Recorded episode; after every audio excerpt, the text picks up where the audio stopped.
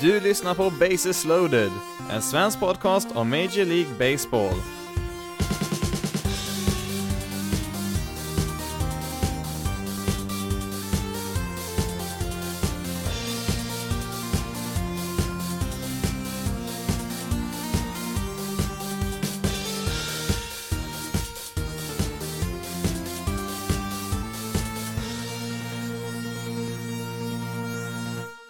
Och välkommen till veckans avsnitt av Bases loaded.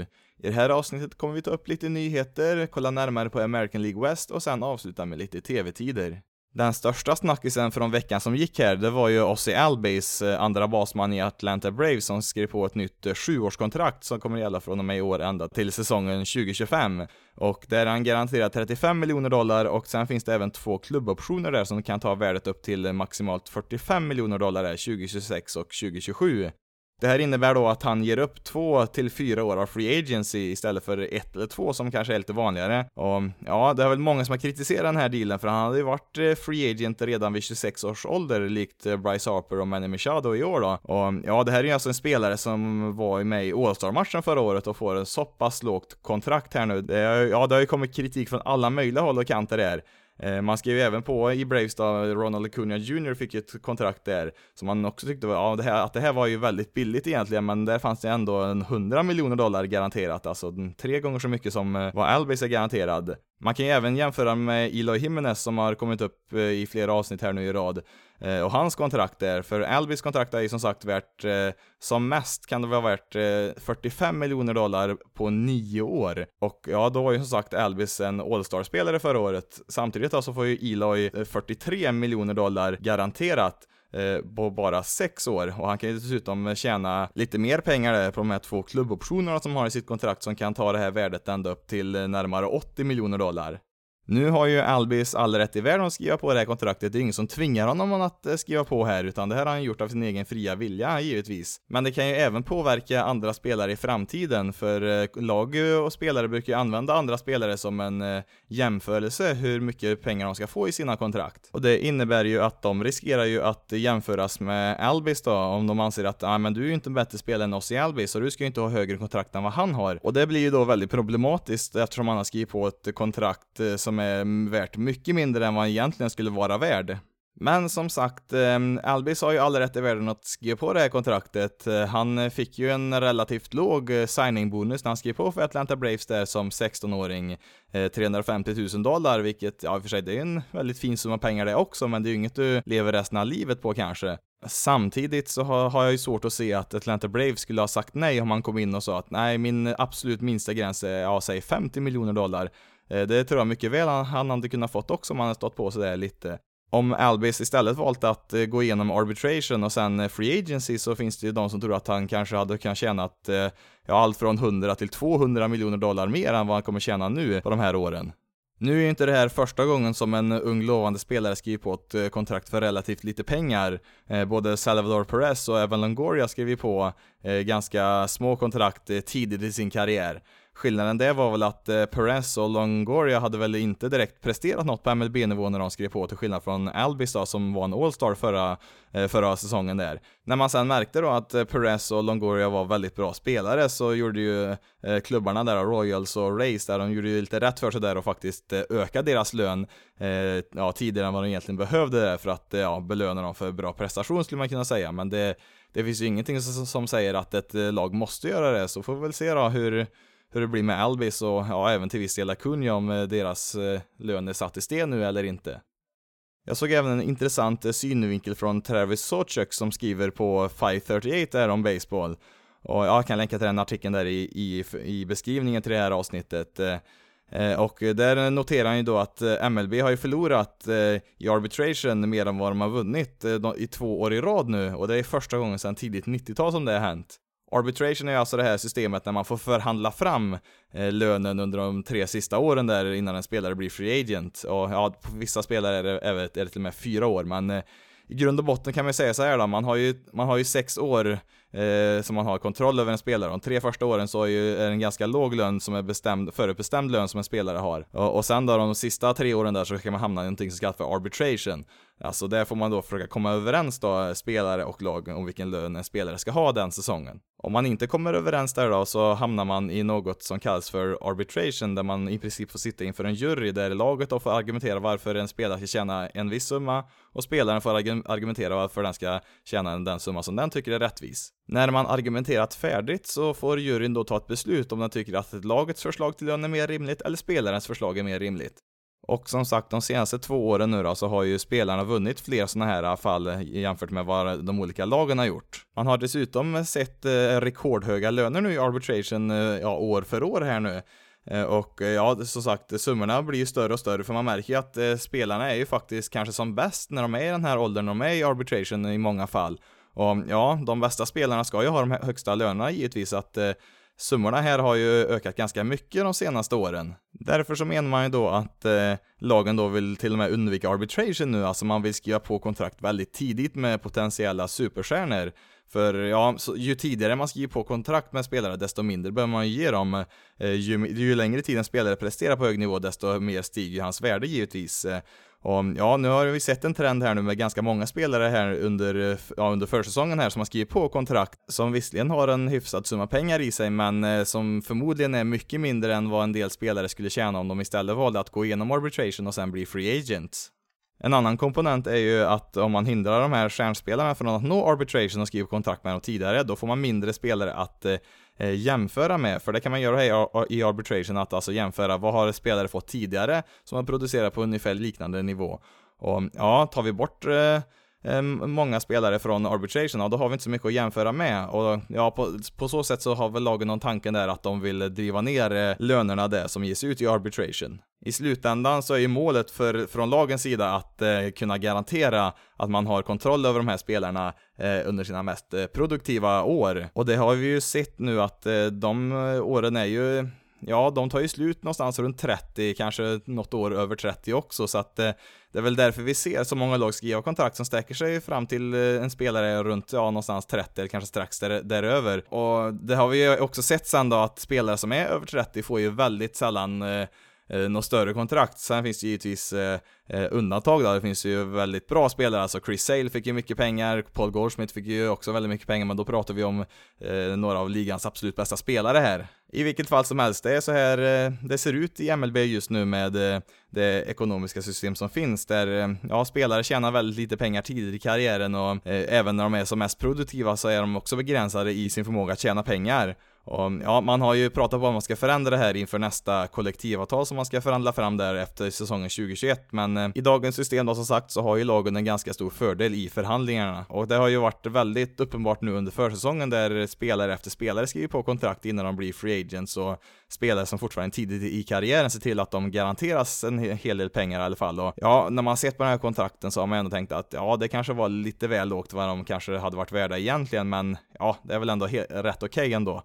Eh, sen kom ju då Acunias kontrakt som man tyckte att oj, nu blir det väl kanske lite väl billigt här, men det var ju ändå som sagt då en 100 miljoner dollar i alla fall. Det är ju ändå en hyfsad summa där.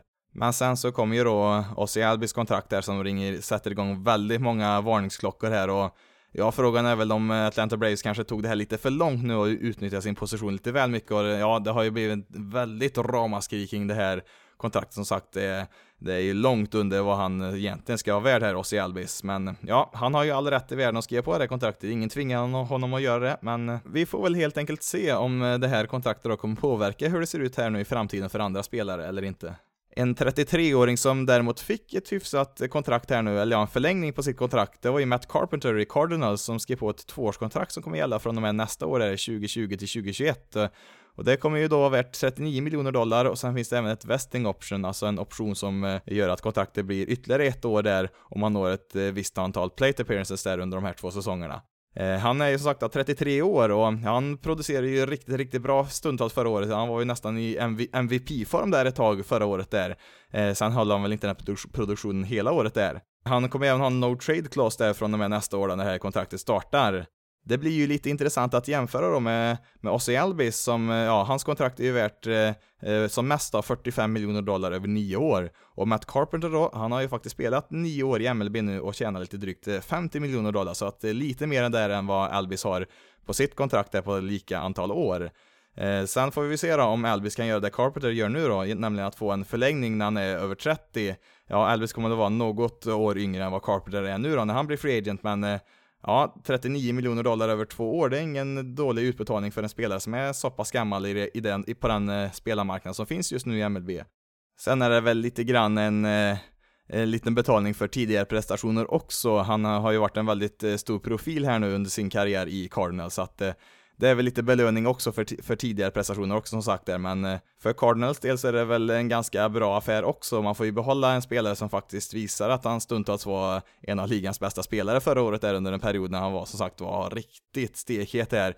Eh, han, eh, ja, han hade väl kanske gjort sig bättre på första bas där egentligen rent försvarsmässigt, men med Goldschmidt där nu så får han ju hålla sig på tredje bas där och ja, för Cardinals sida så gör väl inte det så jättemycket heller. Han är väl, ja, han är väl ingen jättebra försvarare längre så, men han gör väl det helt okej okay och Eh, man har ju en del eh, lovande prospects där eh, på just tredje bas, men de är, de är så pass unga att det kommer ju nog dröja de här två åren i alla fall innan de är redo för MLB där. Man har ju bland annat en spelare, Nolan Gorman, som man draftade i första rundan förra året där, som man tror kan bli väldigt bra. Han är, ja nu är han ju bara 19 år då, så att han är väl ändå inte redo för att spela i MLB innan det här kontraktet tar slut ändå för, för Carpenter. Så att, ja, för båda parter så blir det väl ändå rätt bra här. Han får ju då, Carpenter får ju en del Eh, pengar till här nu och eh, ja, för Cardinals sida så har han ju visat att han är ju faktiskt en eh, en bra spelare fortfarande, såg vi ju förra året och ja, han har väl inte riktigt kommit igång i år än, men det, det kommer nog så småningom här och han lär väl ha en del kvar här nu även om han är lite äldre. Och ja, Cardinals får ju även då behålla en väldigt omtyckt spelare här i laget. Vi fortsätter med lite uppdateringar kring ett par pitchers här. Vi börjar med Clayton Kershaw som eh, kommer göra sin säsongsdebut nu mot Cincinnati Reds på måndag, samma dag som det här avsnittet släpps på. Eh, han eh, har ju inte kastat en enda match den här säsongen här, han hindrades ju av en inflammation i axeln under spring training där. Och mm, ja, nu har han hunnit med ett par rehabstarter där i minor leagues där, så att nu ska han ju då vara redo att starta här i Dodgers MLB-lag här. Och, ja, det blir intressant att se vilken Kershaw vi får se. Han har ju inte varit alls lika effektiv som han eh, var när han var som bäst. Eh, eh, med det sagt så har han ju fortfarande, fortfarande varit en väldigt bra pitcher. Det blir lite intressant att se om eh, Kershaw, som nu har fyllt 31, om han kan göra det Eh, Justin Verlander och Max Scherzer har gjort, eh, eh, nämligen att fortsätta när de är 35 plus, det är att fortsätta vara en av ligans absolut bästa pitchers. Det var ju lite oroväckande förra året där, för han gick ju ner en hel del i hastighet där på sin fastball. Han har väl i och för sig inte varit en sån pitcher som har haft någon enorm hastighet, han har väl snittat runt 93-94 miles per hour på sin fastball under sin karriär, men nu under förra året så var han ju ända nere på 91 där, vilket är, det är en, ändå en ganska stor skillnad där att tappa så pass mycket på bara ett år där. Så vi får väl se om man kan hitta tillbaka med lite mer hastighet eller om man eh, helt enkelt får ändra sin spelstil lite grann där och för att fortsätta vara en effektiv pitcher. Jag tror nog han kommer fortsätta vara en bra pitcher, absolut, men eh, risken finns väl att vi har sett det bästa från Kershaw i hans karriär. Eh, ja, det sa vi väl i och för sig också om eh, Justin Verlander där för några år sedan och ja, det visade sig att han hade ju ganska mycket kvar att ge det så att eh, ja, det blir väl intressant att se här nu då vad Kershaw kan eh, prestera här nu i sin säsongsdebut när han kommer tillbaka från skada. En pitcher som får vänta på sin säsongsdebut är Luis Severino som, eh, ja han var ju redan skadad men åkte ju på ett bakslag till här nu. Eh, läkeprocessen gick väl inte riktigt som han ville det, så man åkte in på en undersökning här nu i, i förra veckan och där upptäckte man då en en eh, lat strain, alltså en sträckning i ryggen av, av andra graden där man brukar gradera 1, 2, 3, så att eh, grad 2 är då den eh, som är mitt emellan där. Eh, han hade ju sedan tidigare också en skada i axeln där och ja, man, så vitt man vet så är inte de eh, relaterade på något sätt där, men eh, nu får han ju då avbryta sin rehab i, ja, i sex veckor här nu ska han ju vila och ja, sen tar det ju ett tag innan han kommer igång igen när han väl får börja träna där, så att eh, vi kommer nog få vänta ett tag på innan vi får se Severino i Yankees rotation i år. En annan Yankees pitcher som vi faktiskt trodde skulle vara tillbaka ganska snart var ju Delin Betances där i deras bullpen. Eh, men nu fick han en ny diagnos här som eh, visar att han hade en, eh, en bone spur, alltså en benspor på svenska då var den bästa översättningen jag hittade där, i axeln. Som gör att han kommer missa, ja en sex veckor till i alla fall där. Och ja, det som vi nämnde i förra avsnittet, det är ju så enormt mycket skador nu i Yankees lag och ja, det slutar ju inte där för även deras catcher Gary Sanchez hamnade på deras injured list där. Eh, det var någon sträckning i vaden där. Nu hoppas man väl på att det inte ska vara något jätteallvarligt där, men eh, Ja, man saknar ju redan väldigt mycket spelare och Sanchez har ju inlett säsongen riktigt bra, så att det är ett tungt tapp där för Yankees lineup som redan var väldigt skadeskjuten. Men till slut så, så fick man faktiskt lite goda nyheter där i Yankees. Eh, deras starter där, CC Sabathia gjorde ju sin säsongsdebut här nu. Han eh, opererade sig i höstas där, så han var inte riktigt redo när säsongen började här. Och Ja, 38-åringen kommer ju pensionera sig efter den här säsongen och ja, han gjorde det riktigt bra där i sin, i sin säsongsdebut här nu. Eh, höll i fem innings och tillät bara en enda hit där när Yankees besegrade White Sox är, så att eh, ja, lite goda nyheter i alla fall där för Yankees när det gäller deras skadade spelare. Ett par korta notiser är bara innan vi fortsätter är att eh, Trevor Rosenthal har ju eh, fått en out här nu, alltså en reliever i Washington Nationals. Han hade ju efter fyra matcher här eh, en ERA som var infinite, alltså oändlig, för han har inte fått ut en enda spelare där på de här fyra matcherna, men nu så tog han sig igenom en hel inning här. Eh, han eh, gjorde i och för sig en match som eh, Washington vann med 15-1 här, så att det var väl ingen jättestor press på honom där, men Ja, han tog sig som sagt igenom en inning här och fick ut eh, eh, lite spelare och han har ju fått en ERA här nu och den är ju på 72 som, ja, den är ju givetvis lägre än oändlig, men ja, det är väl en början i alla fall där för Rosenthal. En annan streak som äntligen är över, det är ju Chris Davis som till slut fick till en hit här nu. Han hade ju inte lyckats få till en enda hit på 62 plate appearances i rad här nu om man går tillbaka även till förra säsongen där. Men eh, här nu i lördags mot Red Sox så small det ju till rejält här. Det var väl nog många som inte hade så stora förhoppningar här när han kom upp i första inningen här med bases loaded och två outs där att ja, med Chris Davis så, så trodde man väl att ja, nu är väl inningen över här men mot all förväntan så eh, skickade han ju iväg den här bollen i right field och den landade ju där på gräsmattan och så han äntligen fick sin första hit där, en singel som drev in två runs där för Orioles den här historien kring Chris Davis har ju ändå varit en ganska stor nyhet i baseballvärlden här och ja, Boston-publiken gav ju faktiskt en liten, eh, ja en liten ovation i alla fall där han fick till sin första hit där, trots att han spelade i, i bortalaget där. Boston-publiken var väl kanske inte lika roade sen när han fortsatte att eh, slå iväg ett par hits till där. Han hade ju faktiskt eh, fyra RBIs på tre hits den här matchen, så det var ju en riktig kanonmatch för Davis här nu, som dessutom höjer sitt batting average från eh, 0 till 0,79. Nu är det väl tyvärr för Davis del fortfarande stor risk att han kommer att eh, få lämna Orioles trupp någon gång under året här. I bästa fall kanske han får lämna efter säsongen här för den produktion som han stått för här nu de senaste åren och inklusive den här säsongstarten här nu är ju, ja man kan inte ha en sån spelare på truppen, det, det funkar ju liksom inte. Så att, eh, ja, men det, det var väl kul att han fick det här tillfället i alla fall, så får vi väl se hur länge till han får vara med där i Orioles roster. Vi kliver ner en stund i minor leagues här, för det är ju faktiskt så här att Vladimir Guerrero Jr är tillbaka här nu. Eh, han eh, sträckte ju sig här nu i spring training i magen här, så att han kom igång lite senare här och har ju eh, rehabbat där nu lite grann i de lägre minor League-divisionerna där, men eh, nu har han kommit upp i AAA, alltså den eh, högsta minor League-ligan där. Och ja, han startar bra där i Buffalo Bison som de heter där då, eh, Toronto Blue Jays AAA-lag där. Det är ju så här att eh, deadlinen för att eh, få en, eh, ett helt år av service time eh, i MLB gick ju ut i, i fredags där, så att det betyder ju att en spelare som Vladimir Guerrero Jr som inte har spelat i MLB än eh, kan kallas upp nu utan att få ett helt år av service time och därmed förlänga hans eh, tid i Toronto där med ett extra år där av kontroll. Eh, och, ja, det, det, finns väl chans att han kan dyka upp redan den här veckan, men ja, med den här skadan så kanske man vill han spela några lite extra matcher där och kanske dröjer till nästa vecka innan han kommer där, men han lär vara här uppe här ganska snart och det ska ju bli spännande att se, för han är ju det absolut högst rankade eh, prospect som vi har just nu. Han är väl etta, ja, han rankas väl etta av princip alla som håller på med det här med prospects, kanske finns något undantag någonstans, men ja, en spelare som eh, eh kommer bli väldigt intressant att följa här nu, kommer ha väldigt stor press på sig och Ja, från Torontos del så har man inte så mycket att spela för och deras nuvarande tredje basman där, Brandon Drury, har ju inte inlett alls bra så att eh, det är väl ingenting som hindrar dem från att ta upp honom här eh, ganska snart. Så ja, det ska bli kul att se när han kommer upp här och se om han verkligen kan leva upp till all den här hype som finns runt omkring honom. Avslutningsvis så seglar vi ut i Karibien där och går i land i Kuba, för det är ju så här att i december så slöt man ju ett avtal där med det kubanska baseballförbundet där, som gjorde att spelare skulle få komma över det till USA obehindrat, eh, eller ja, förbundet där i Kuba skulle ju få välja vilka spelare som skulle kunna få åka över till USA och spela. Men som det har sett ut då innan så har ju då kubaner varit tvungna att eh, smugglas ut utav sådana här grupper som håller på med människohandel för att eh, kunna ta sig till USA och spela baseball där. Och målet var ju givetvis att man skulle kunna komma bort från det här att, eh, eh, inte, att spelare inte ska behöva ta den här livsfarliga vägen för att bara ta sig till USA och kanske få chansen att spela i, i MLB en dag där. Sen tidigare så har man ju liknande avtal med Sydkorea, Japan, eh, Mexiko och Taiwan där som gör att eh, eh de tillåter spelare att åka över till USA och spela i MLB där i utbyte mot en viss summa pengar där då.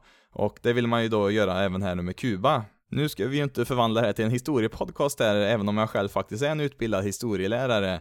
Eh, vi kan väl säga så här då att eh, Kuba och eh, USA har väl haft Eh, en väldigt komplicerad politisk historia där, ja, långt innan Castro-regimen var på plats också, så att eh, man har ju inte haft så jättelätt att komma överens med varandra i Kuba och USA, men eh, nu har det ju blivit lite bättre relationer här på senare år och eh, Tampa Bay Rays var ju faktiskt där 2016 och spelade en eh, träningsmatch där mot Kubas landslag och förhoppningen var väl att man skulle börja komma lite närmare varandra där rent politiskt också.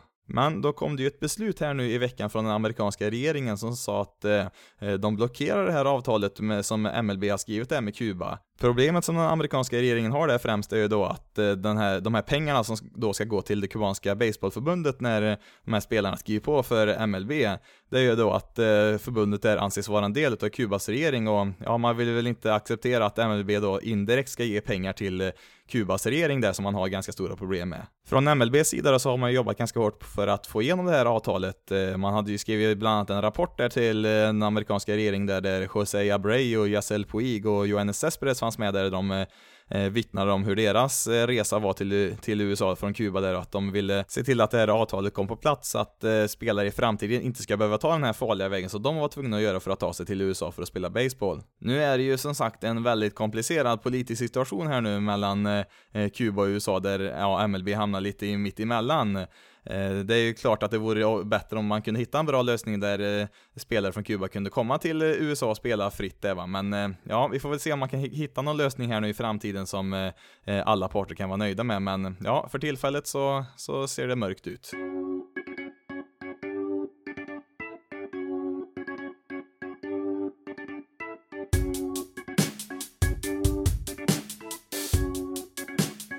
Vi fortsätter med att titta närmare på veckans division som är American League West. Vi börjar med Texas Rangers som har vunnit sex matcher, förlorat sju. Eh, lite blandade resultat får vi väl ändå säga. De ligger ju redan nu sist i tabellen i, i divisionen där och ja, de lär väl ligga kvar där också under året. Eh, men ja, som sagt, man har väl tagit en och annan fin vinst här, men eh, vi har väl mest eh, skador att rapportera här i Texas eh, än så länge. Först ut så var det då Edison Volkes, deras eh, starting pitcher, som åkte på en armbågsskada där och placerades på deras eh, 60-dagars eh, injured list där, så han kommer ju bli borta ett tag där. Han är ju 35 år nu och har två Tommy John-operationer bakom sig här, så att ja, en till armbågsskada här ringer ju en del varningsklockor. Han kommer inte att få kasta en boll överhuvudtaget de närmaste 4-6 veckorna, så att ja, det kommer ju ta ett tag innan han kan vara tillbaka. Eh, han har ju sagt själv att eh, om det visar sig vara några allvarliga skador på några ligament där i armbågen som kräver operation så pensionerar han sig hellre än att eh, behöva gå igenom det igen där. Så att eh, det finns väl risk att eh, Volkes karriär kanske är över här. Volkes debuterade ju redan 2005 och har en ERA på 4.43 där på 271 starter plus ja, några enstaka matcher i relief där.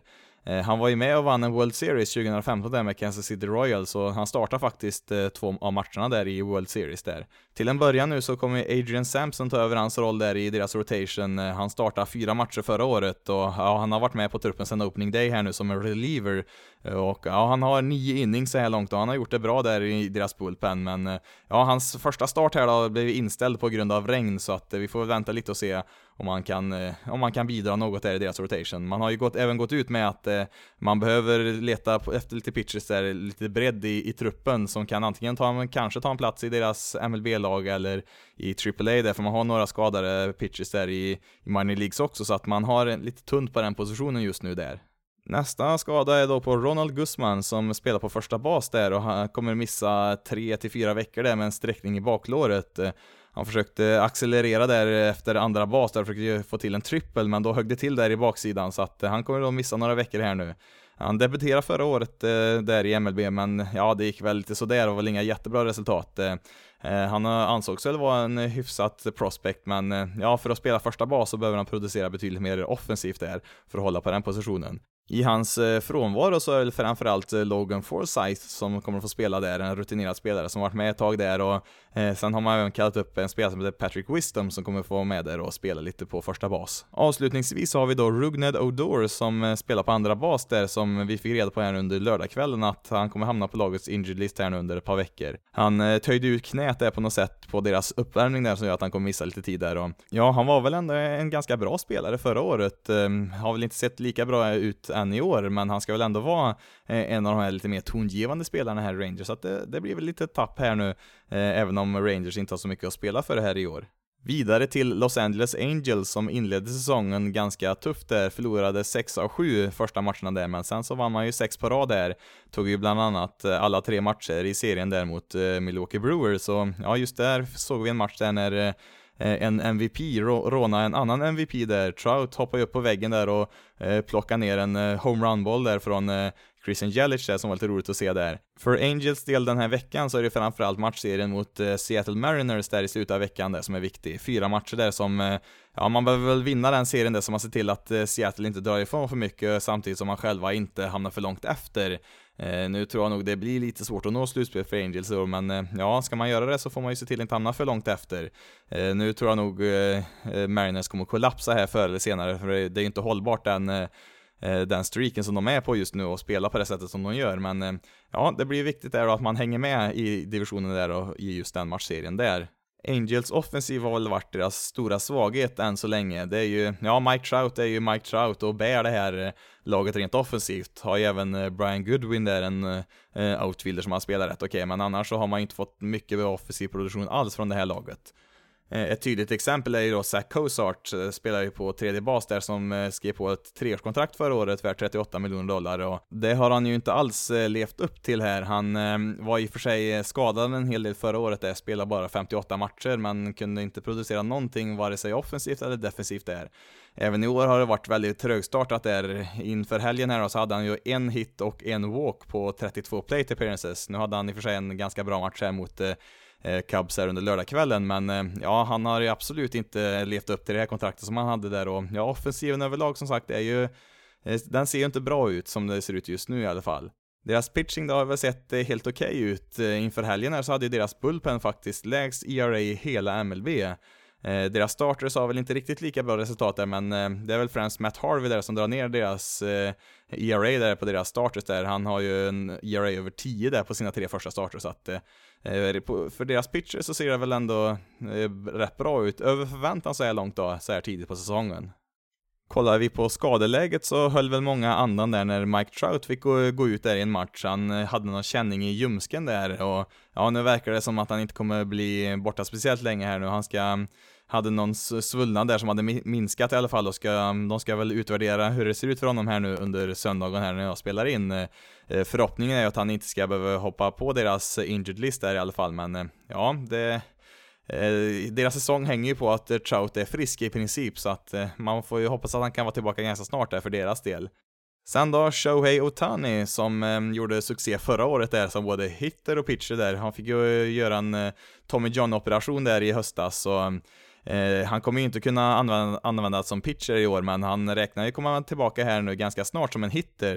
Eh, förhoppningen är att han ska kunna vara tillbaka någon gång i maj redan som en designated hitter och eh, ja, vi får väl se, han lär väl kanske få börja lite i minor leagues där först och få spela några matcher, för han har ju inte fått någon ordentlig spring training som han, eftersom han hade opererats ganska nyss där då, så att eh, Eh, ja, han har ju försökt börja kasta lite med bollen också, men eh, som sagt, eh, han kommer ju bara vara slagman i år, så får vi väl se om han kan vara både och sen till säsongen 2020 där.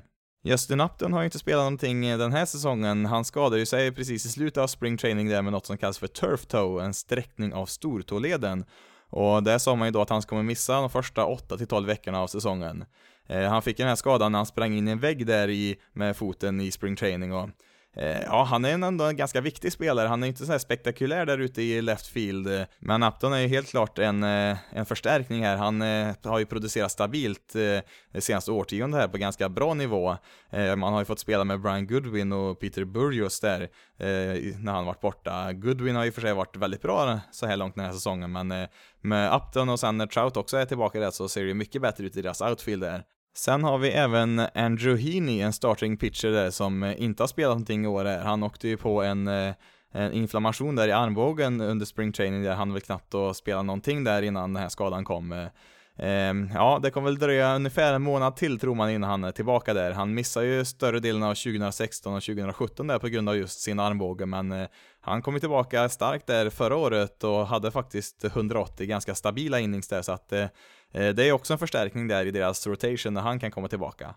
Avslutningsvis så har vi då Albert Pujols som har nått en ny milstolpe här. Han har passerat Ichiro Suzuki på hitlistan, alltså listan med spelare med sammanlagt flest hits i MLB. Och ja, han har ju då 3090 där som gjorde att han gick förbi Ichiro där. Och ja, han är totalt sett 22 på listan i hela MLBs historia. Eh, han är ju därmed då först bland alla aktiva spelare i MLB och närmast är ju då eh, Miguel Cabrera på 2688 där, så han är en bra bit efter där. Om Pujols skulle fortsätta på ungefär samma nivå som han gjorde förra året så skulle han faktiskt kunna nå upp till eh, eh plats 14 på den här listan och passera Cal Ripken Jr redan här i år då. Eh, han skulle ju totalt sett behöva strax över 200 hits från och med nu för att nå upp till topp 10 på den här listan, eh, vilket inte är helt omöjligt här nu. Han har ju tre år kvar på sitt kontrakt och ja, det beror väl helt enkelt på om eh, Angels kommer fortsätta tillåta han att spela eller inte. Han producerar ju inte speciellt bra, har inte gjort det på ganska många år. Det, det, är väl inte på något sätt någon katastrof om man bara kollar på siffrorna. Det, ja, kollar man på lönen så är det ju absolut katastrof, men eh, ja, han kan ändå producera lite, lite grann där, men eh, ja, vi får väl se om han kan klättra, hur mycket mer han kan klättra på den här listan innan han får pensionera sig.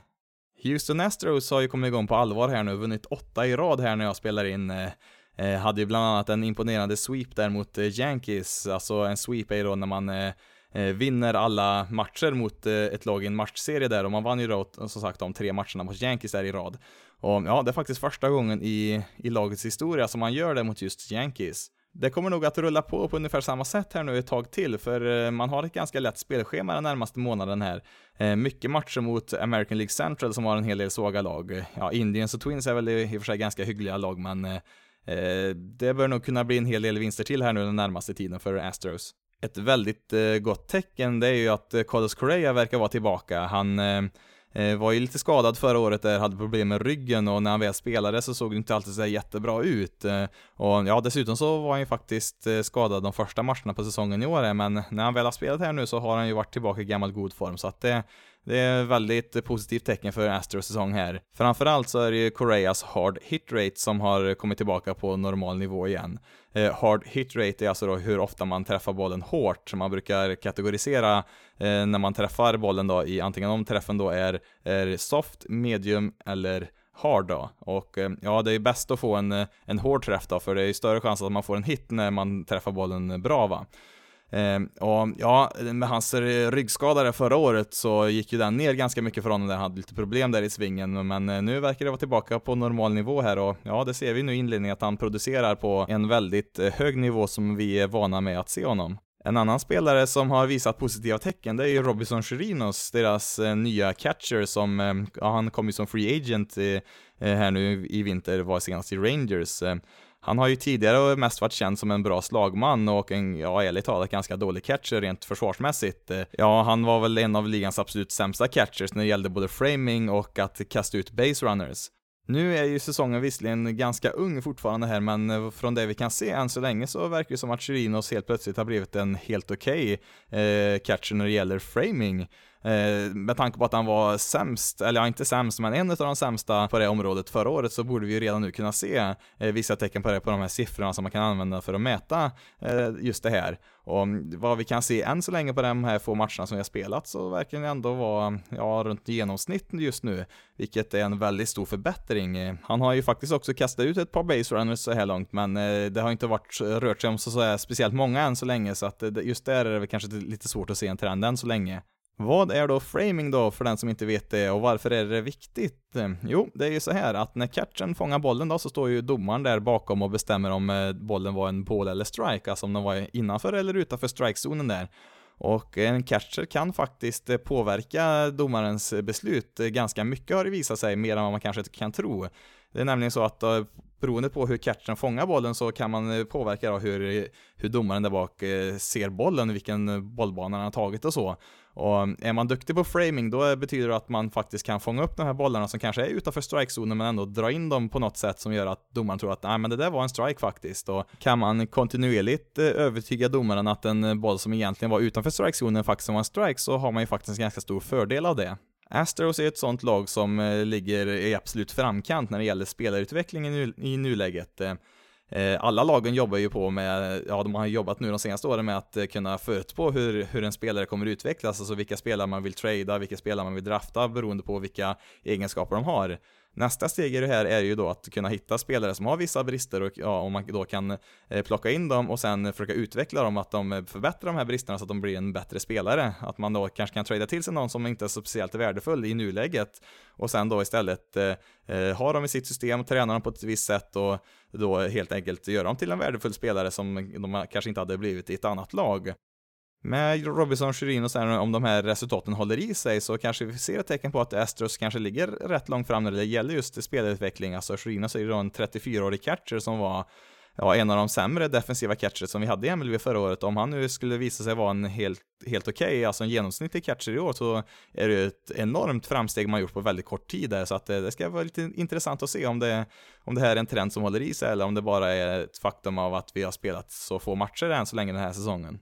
Vi återvänder till Kalifornien och eh, Oakland Athletics som har haft, eh, ja, det har varit väldigt blandade resultat så här långt. Eh, både pitchers och hitters har det varit, ja, helt okej, okay. inte så mycket mer än så heller. Främst Brett Anderson, där deras starter har varit deras bästa pitchers än så länge där. Den här veckan har man ju ett par matcher mot Astros och sen en serie där mot Blue Jays, så det, det finns väl en liten, liten chans där att vi kanske får se debuten där av Vladimir Guerrero Jr. Jerkson Profar fick ju i uppdrag här nu i år att ersätta Jed Lowry på andra bas där. Lowry som har lämnat nu i Free Agency var ju väldigt bra där ett par år i Oakland och ja, än så länge så har han ju inte kunnat leva upp till de förväntningarna där Profar. Han har ju varit extremt aggressiv där han har gått upp och ska slå där. Han har ju svingat på i princip allt där. Hans walk rate är ju på 3%, alltså hur, hur många utav hans eh, plate appearances är som slutar med en walk. Och snittet eh, för eh, en spelare i MLB brukar ju ligga någonstans runt 8%, så att 3% är ju väldigt, väldigt lågt. Eh, Profile var ju faktiskt en bra hitter förra året där i Texas Rangers som han spelade där och, och mm, ja, nu har det gått lite bättre där på sistone. Han hade bland annat fyra hits där i en match mot Orioles som eh, hjälpte hans siffror lite grann där, men eh, ja, det finns en hel del sparkapital där att få ut från Profar här i framtiden. På tal om just eh, låg walk rate så har vi med även Ramon Loriano där som vi nämnde förra veckan. Han ligger faktiskt under 2% vilket är, ja det är också extremt lågt. Eh, eh, men ja, det han har varit mest känd för det är ju hans eh, bravader där ute i deras outfield som han har fått rubriker för. Och ja, nu var det ju någon i Baltimore här som inte hade läst eh, scouting-rapporten tillräckligt verkar det som för eh, ja, han skördade ett nytt offer här när han kastade ut eh, en spelare på hemplattan så att Lorianos show i deras outfield, han fortsätter även den här veckan. En spelare som inte har problem som slagman, det är ju Chris Davis. Så ja, vi får väl eh, säga att det var Oaklands Chris Davis och inte Baltimores Chris Davis som vi pratade om eh, eh, tidigare i avsnittet här. Men i Oaklands eh, version av Chris Davis har ju då nått eh, eh 200 homeruns i sin karriär här nu och eh, av alla aktiva spelare i MLB här idag så är det ingen som har nått den gränsen så snabbt som han har gjort. Eh, för övrigt så har han ju då 18 hits i år och 10 av dem är i homeruns, så att ja, han slår bollarna långt i år, gör han.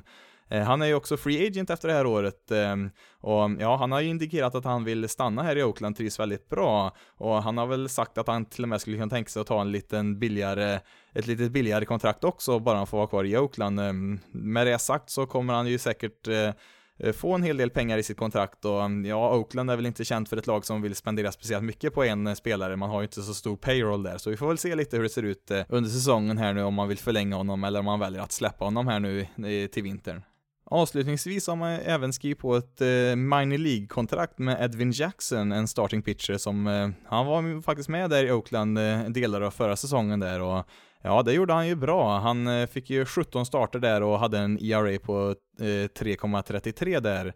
Och ja, han är ju 35 år är han nu till och med. Och han satte ju faktiskt förra året rekord när han skrev på för Oakland där. Och eftersom att eh, Oakland var hans trettonde klubb han representerade där i MLB och det är han ju delad etta med med eh, Octavio Doteller som spelade fram till 2013 där. Så att eh, Ja, nu var det lite synd att han inte kunde ta rekordet i år och ta en 14 klubb, men ja, nu är han i Oakland här nu då, kommer ju med, ja, han har ju inte varit med i någon spring training här nu, så han kommer ju få börja kasta lite i minor leagues först innan det blir aktuellt för honom att komma in i deras rotation där och ja, det är väl i så fall i slutet på deras rotation där han kan hoppa in där och Ja, han är, han är lite gammal men han kastar fortfarande 93 miles per hour där och har väl gjort det ganska stabilt de, de senaste åren där så att eh, vi får nog eh, se honom här i Oaklands rotation förr eller senare här nu under säsongen.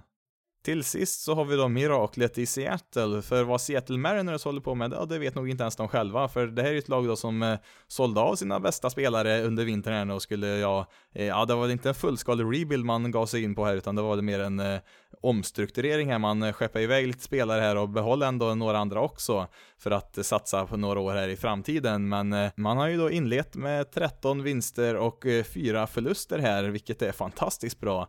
Eh, man leder ju i princip varenda offensiva kategori som finns här nu i hela ligan. Eh, samtidigt så är ju deras försvarsspel absolut jättesämst i hela MLB. Eh, det har ju varit errors till höger och vänster där och det, ja, det är väl ett mirakel att man ens har vunnit så här mycket matcher, men det är ju för att man har haft en sån fantastisk offensiv och Ja, tyvärr så är det ju inte hållbart. Det är ju roligt så länge det funkar så här, men åtta runs per match som man har, har, har fått där för Seattle, det är ju inte hållbart alls. Red Sox som hade ju en historisk säsong förra året eh, snittar ju 5,4 runs i sina matcher där. Och ja, det, det kommer ju gå neråt där. Jag tror Mariners hade väl ett snitt strax över 4 runs per match eh, förra året. Och Ja, samtidigt så tillåter man ju då 5,3 runs eh, eh, från deras pitchers, vilket, ja, det, det, går ju så länge man gör 8 framåt så kan man ju släppa 5 bakåt, det, det funkar ju, men eh, ja, det, det, det, kommer inte att se ut så här speciellt länge till skulle jag tro.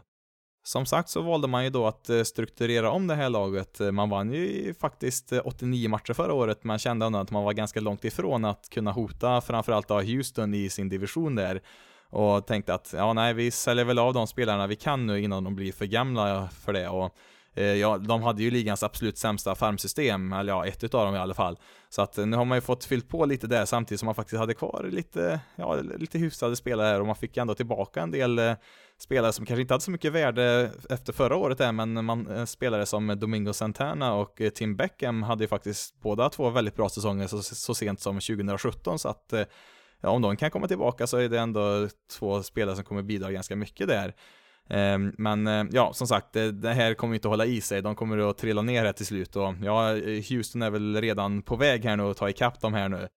En annan rolig sak är ju faktiskt att man har slått ett nytt rekord här. Man har ju nu spelat, när jag spelar in 17 matcher på säsongen och man har haft minst en homerun i varje. Det är alltså rekord för antal matcher från säsongstart med minst en homerun i, så att Ja, vi får väl se hur länge den streaken håller sig. Man är som sagt uppe på 17 här nu när jag spelar in på söndag. En av de spelare som har överraskat allra mest är ju Daniel Vogelbach som eh, Ja, han har ju dominerat i flera år i minor leagues här nu, så man har ju väntat på att han ska komma upp här och kunna visa samma sak i MLB och ja, han har ju presenterat sig på allvar här nu. Han har ju fullständigt absurda offensiva siffror här nu tidigt på säsongen. Eh, eh, ligger trea i ligan i exit velocity, alltså hur snabbt bollen i snitt lämnar slagträet där och det är ju bara Nelson Cruz och Aaron Judge som är bättre på i den kategorin där och det är inte bara råstyrka där utan han har även 18% walks när vi pratade om det tidigare. 18% är ju riktigt, riktigt högt. Så att han kan ju både slå till bollen riktigt rejält där och han kan ändå eh, stå där och avvakta och ta en walk också så att eh, Får vi se nu om han kan fortsätta på det. Han är ju en, han är en väldigt stor spelare här. Designated hitter är ju det han helst ska hålla sig där. Han ska ju helst inte stå på planen alls där. Eh, men ja, det är väl kul om man kunde få sitt genombrott här nu. På tal om absurda offensiva siffror så har vi ju då även Jay Bruce som kom i en trade här nu i vinter. Eh, han har ju en slashline på 1.79, 2.77 och sen 5.89 på slugging, vilket är, ja det, det ser man ju inte speciellt ofta. Det har ju som sagt med att det är så tidigt på säsongen att göra. Eh, han har ju 10 hits i år och 7 av dem är homeruns, så det har verkligen varit allt eller inget som gäller där för Jay Bruce som eh, Ja, han har ju haft bra säsonger tidigare, det har han ju haft. Eh, eh, var väl ingen, eh, hade väl ingen större lycka förra året, men Eh, ja, han har blandat och gett i sin karriär och stundtals varit riktigt, riktigt bra här och ja, än så länge så ser det ju bra ut i, i Mariners här, men eh, likt eh, ja, resten av laget egentligen så kan vi inte vänta att den här absurda produktionen kommer fortsätta för ja, de flesta spelarna så att Mariners kommer nog krascha ner här förr eller senare, men ja, det är kul att se på så länge det håller i alla fall. Sen har vi lite skador på några pitchers här. Hunter Strickland som skulle vara deras closer i år, han eh Eh, skadade sig efter bara tre matcher sträckte sig i ryggen och blir borta ett par månader. Eh, var ju, ja han hade ju en ganska dålig säsong förra året där i Giants där, så att de vill ju inte ha kvar honom där, så att eh, han skulle försöka ta nya tag här nu i Mariners, men ja, han får vänta ett tag här nu innan han får komma igång här igen. Även eh, Jason Bradford är en annan reliever där, blev skadad och ja, det finns en hel del frågetecken i framförallt deras pulpen där, en del oprövade namn där och sen har vi även en starter där Wade LeBlanc eh, sträckte sig i magen här efter, efter en pitch där i förlusten mot Astros i fredags. Han har ju startat tre matcher och har en ERA på 4,5 där än så länge den här säsongen. Eh, kan innebära, beroende på hur allvarlig den här eh, sträckningen är då, att Justus Sheffield kanske kommer upp där. Ett prospect som man fick tillbaka när man tradade bort James Paxton där till, eh, till Yankees. Så att eh, kanske det blir dags för hans debut där då i Mariners. Han har spelat ju faktiskt eh, några enstaka innings där för Yankees i deras bullpen förra hösten där, men ja, han kanske får komma upp och starta tidigare än vad vi kanske hade trott.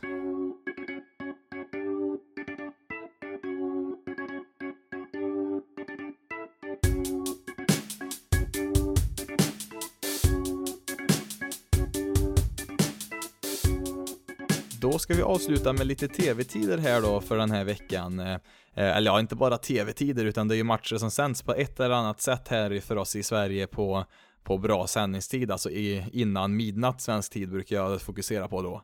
Vi börjar med Viasats kanaler här och eh, redan nu på måndag här 15 april, samma dag som det här avsnittet släpps på, så kan man se på TV3 Sport och Viaplay Boston Red Sox mot Baltimore Orioles som eh, börjar redan klockan fem där på eftermiddagen. Sen får vi vänta tills på onsdag då Viaplay sänder Brewers mot Cardinals där klockan halv åtta går att se den. På lördagen sen den 20 april så visar TV3 Sport eh, Yankees mot Royals där klockan sju. Som vanligt så är det ju väldigt få matcher som vi har sett väljer att sända direktsänt eh, på bra sändningstider utan det är mer matcher som går på natten där för oss. Så Eh, ja, jag kan förstå om TV3 Sport kanske inte kan sända alla matcher där på bra tider för oss eh, eftersom man ska få in mycket annat där i tablån, men på Viaplay tycker jag ändå man borde kunna trycka in lite fler eh, tidiga matcher där så att man kunde se på i, i bra tid. Man sänder ju visserligen en del matcher sen eftersändning eh, mitt på dagen, men eh, om det nu mot förmodan skulle finnas någon som lyssnar på det här och jobbar på Viasat så får ni väl gärna framföra att eh, vi vill väldigt gärna ha lite, lite tidigare matcher som sänds för eh, ja, det är inte så många som klarar av att sitta uppe från 1 till 4 på natten här och titta på de här matcherna. Och ja, jag säger väl som jag sagt förut att det är jättekul att eh, vi har satt, eh, satsar på att sända en hel del MLB-matcher i år, men eh, det känns ju också väldigt bortkastat att sända så pass få matcher på på bra sändningstid här för oss i Sverige, för det, ja som sagt, det, det är inte realistiskt för en majoritet att sitta upp och titta på de här matcherna som går mitt i natten om man vill se direktsänt, så att eh, Ja, jag får upprepa det varenda avsnitt. Mer tidiga matcher från Viasat vill vi se. Som tur är så har ju då MLB en egen streamingtjänst då, som vi kan kolla på, MLB TV, som sänder alla matcher. Eh, och de har ju även så här att eh, även om man inte har den här tjänsten då, så kan man se en match gratis varje dag, en utvald match där och då krävs det bara ett eh, gratiskonto där på MLBs hemsida. Och nu på måndag då, samma dag som det här avsnittet släpps, så är det faktiskt den tidiga matchen där som vi nämnde som även sänds på Viasat och på, ja, på Viaplay där, eh, Red Sox mot Orioles där, som sänds redan klockan fem och den är gratis där på deras streamingtjänst, så man kan kolla där också om man vill. Och ja, det är för övrigt den enda tidiga matchen där på måndagen. Onsdagen då, den 17 april, så har vi en gratismatch som startar eh, vid halv åtta där, Cardinals mot Brewers, också den matchen som sänds eh, på Viaplay där. Eh, I övrigt så finns det ändå en, ett gäng matcher där som startar ganska tidigt. Det är väl, ja, Mets mot Phillies där kan vara rätt intressant, där vid sju kan man kolla där om man har MLB TV. 18 april där, torsdagen, så har vi fyra matcher som sänds tidigt som man kan se på på MLB TV. Tyvärr ingen som är gratis. Skulle jag välja ut någon av matcherna här så är det väl Giants mot Nationals då kanske. Det, det är väl inga toppmöten direkt vi får se här under torsdagen i alla fall. Fredag 19 april, då är det bara en match där. 20 över 8 så spelar Cubs och Diamondbacks där. Eh, tyvärr inte den gratis den heller där, men den finns där på MLB TV i alla fall att se på. På lördagen sen den 20 april så har vi en tidig gratis match där. Eh, klockan sju spelar Royals mot Yankees där som man kan se gratis då på MLB TV. Sen finns det sex matcher till där som börjar relativt tidigt där.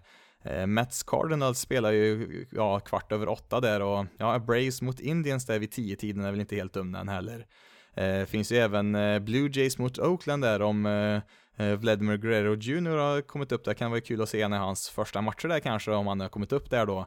Eh, I så fall så börjar den matchen också där vid 10-tiden där på kvällen. Som vanligt sen då på söndagar så spelas ju alla matcher tidigt förutom en då som sänds eh, klockan ett på natten då, men här finns det en del att välja på då. Eh, gratismatchen startar halv åtta där med Giants mot Pirates där om man vill se den. Eh, ett par andra intressanta matcher där då på söndagen, det är ju då om man har MLB TV så kan man ju se Red Sox mot eh, Tampa Bay Rays där. Eh, får se om Red Sox kan eh, komma tillbaka efter sin tröga start här nu och jaga i cap race eller om de kan dra ifrån där i toppen. Eh, den matchen börjar då vid, vid åtta tiden där och sen vid samma tid så spelar även Los Angeles Dodgers mot eh, Milwaukee Brewers där en eh, repris från slutspelet där förra året som kan vara intressant att se också. Ja, jag tror det får räcka där för veckans avsnitt. Eh, vill du följa Basis Loaded på sociala medier så kan du göra det på Facebook, Twitter och Instagram och då letar du upp basisloaded.se där för att följa med där. Du kan även mejla in till basisloaded.se gmail.com. Du kan även besöka basisloaded.se där du finner den här podcasten och mycket annat om MLB på svenska. Men nu har jag pratat tillräckligt för idag. Mitt namn är Jonathan Fabri och jag är väldigt tacksam för att du har valt att lyssna på det här avsnittet av Basis loaded. Ni får ha det så bra där ute så hörs vi i nästa veckas avsnitt.